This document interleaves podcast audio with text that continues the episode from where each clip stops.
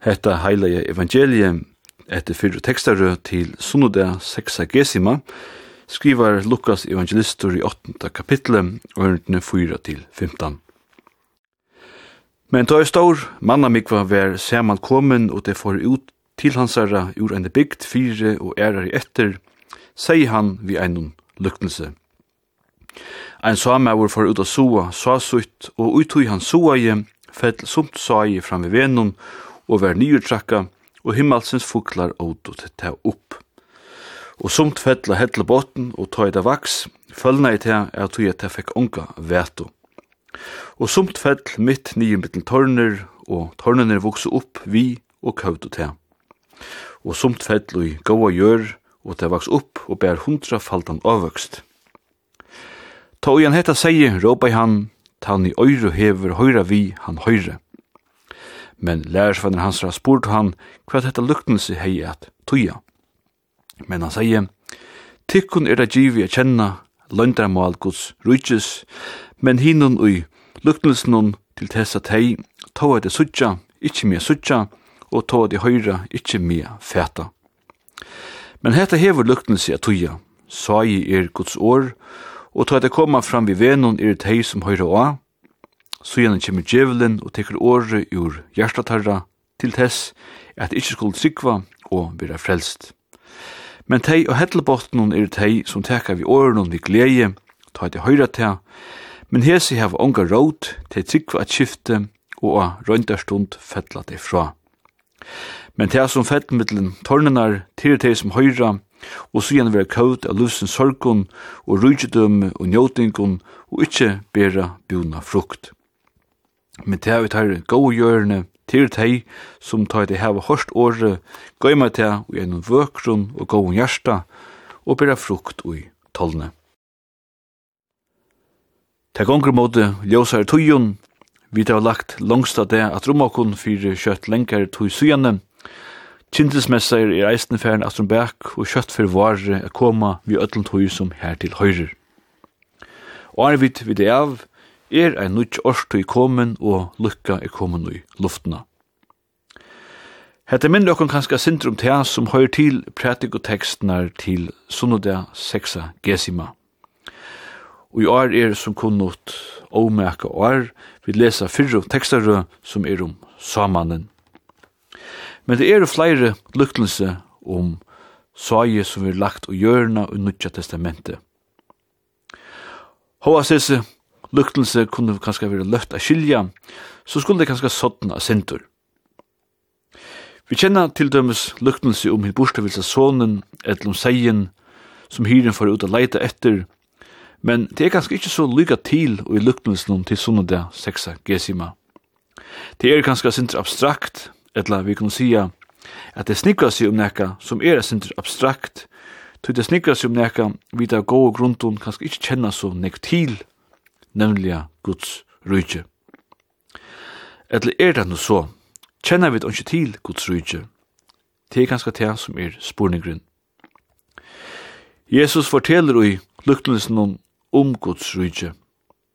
Han forteller om svaje som er mittel anna finna i evangelien til Marskos i eisne. Medan luktelse om det everska luktla sinnopskottene bæg er a finna til Matteus og Lukas. Vi pleier jo ofte at teka til at det er trupult a spua, særlig om framtøyna. Det er jo heldig ikke nøyut a vera bøndi eller okkur luknande fyrir vita eller skilja luknelse til og idea. Vi kunne eisen vera foreldur eller bare kanska gov vi onkran fyrir kunna vita at ta etla kjemur til tei tutningar mestu tingene eller virskifti her løyvnun, ja, så vita vi kanska sera luiti om hvordan det kan bæra til at det er blivet så, etla vi kunne heva lytla avvarskan av at det bleiv som det bleiv. Gammal ui, vi kunne vita når bøttene bliv født, etla hver vi møtt og henne etla honom, vi bliv gå vi. Men kunne vi skilje hetta ui røynd og veru? Svær er helst nei.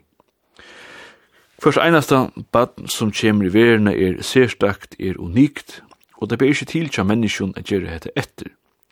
Ta samme vi, kærleikan Vi kunne vita hver vi hitt og onkra vi blei gau vi, men just hva hente ta egne møttust, vi helst trobult at gjevina vysindalia frøkring om.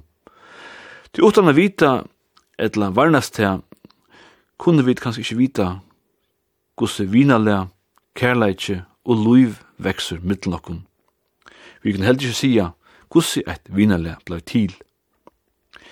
Ja, og i røyndu veru er det te som vi ikkje beinleis kunne sutja eller vita sånn jeg om, te og i ofte hefur stauran eller kanskje størsta tøytningin fyrir jokkun. Men så kunne vi spyrja hva alt hetta hefur vi kos rujtje a gjerra. Jo, vi kunne sige at alt hetta hefur imiskar lukleikar vi kos rujtje. Og i luktelsen til sunda sexagesima forteller Jesus okkun at det som veksur en ongen varnast til nemlig hos rujtje. Det er eisen til som Jesus sier til, da han sier, tøyen er fullkommen, og Guds rujtje er nånt. Vend i om og sikve glede båskapen. Korsene leser vi i evangelien etter Marskos, bare tvinne små lyktelse, som forteller om Guds rujtje.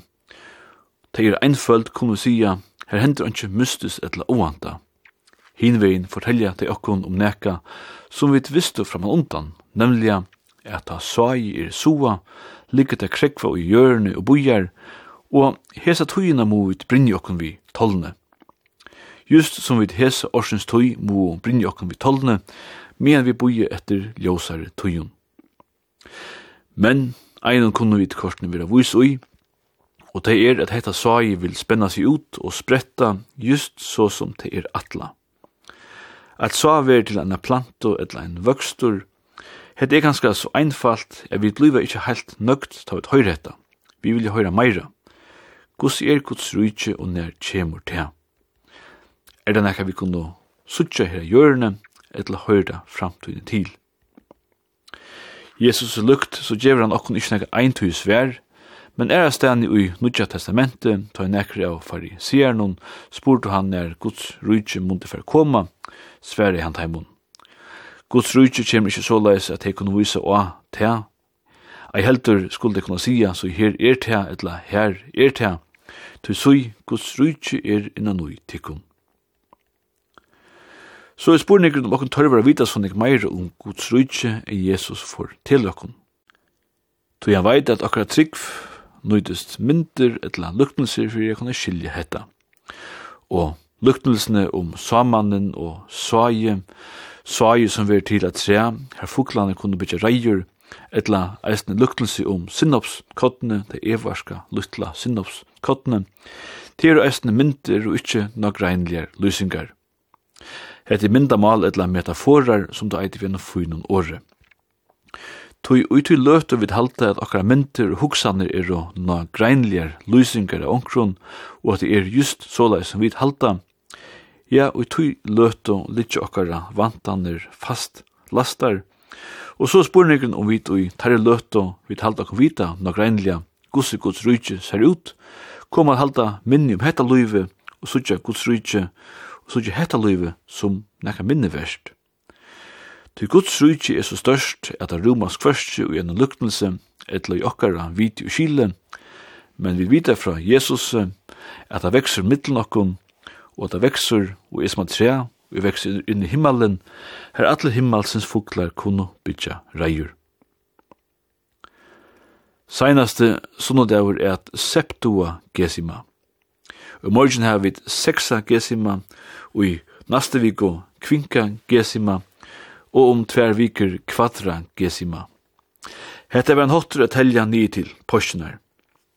Hesir gesima dianer kunde opprunnelige vera gjerandstier, men som fra lei vår der avsetter er vera avvisar sunnodier for postur og varvakt og nøvnene, hovast tølene tar boa fra, ikkje alltid passa vo. Sexagesima mestur av latuine tan trusjens tjunde dævren. Tal sia in trusjens tjunde dævren fyrir mykida fyrir postur, tal sia ta postnar vor mettar evra, litnar fjóra poska dævren. Vi seksa gesima er vi i fire breikingar tøyene til føstu. Navne sexagesima gonger atter til fire breikingar tøyene i fondkyrkjene omlai år 600. Og i fondkyrkjene ber hendan tøyen bra av at de som skulle døypast i kyrkjelinun gjør du til seinastu fire breikingarna til dopen og fire breikingar tøyene var eist ein bautar tøy fyrir tei og vi var mett at det var sett seg sjolv utan fyrir allan møguleik sleppa til altars, tui te skulle ha framt okkurst minne gott, etla eina stóra synd som te var sagt. Porsjene våre tøyen i fondkirkene, ta de nøy døptum, og de vi var sett utanfyrir, kom inn i kyrkjelige. Som er fyrir fyrste fyr, ånder kom innatur. Undervisning ut i kristne lærerne sette såstad syndam av tøyene fram imot påskun ta første eisen ver hilden. Vi enda i kvöld vi salmenon kom frier av himne ui gjørsten inn som Louis Zachariasen iste.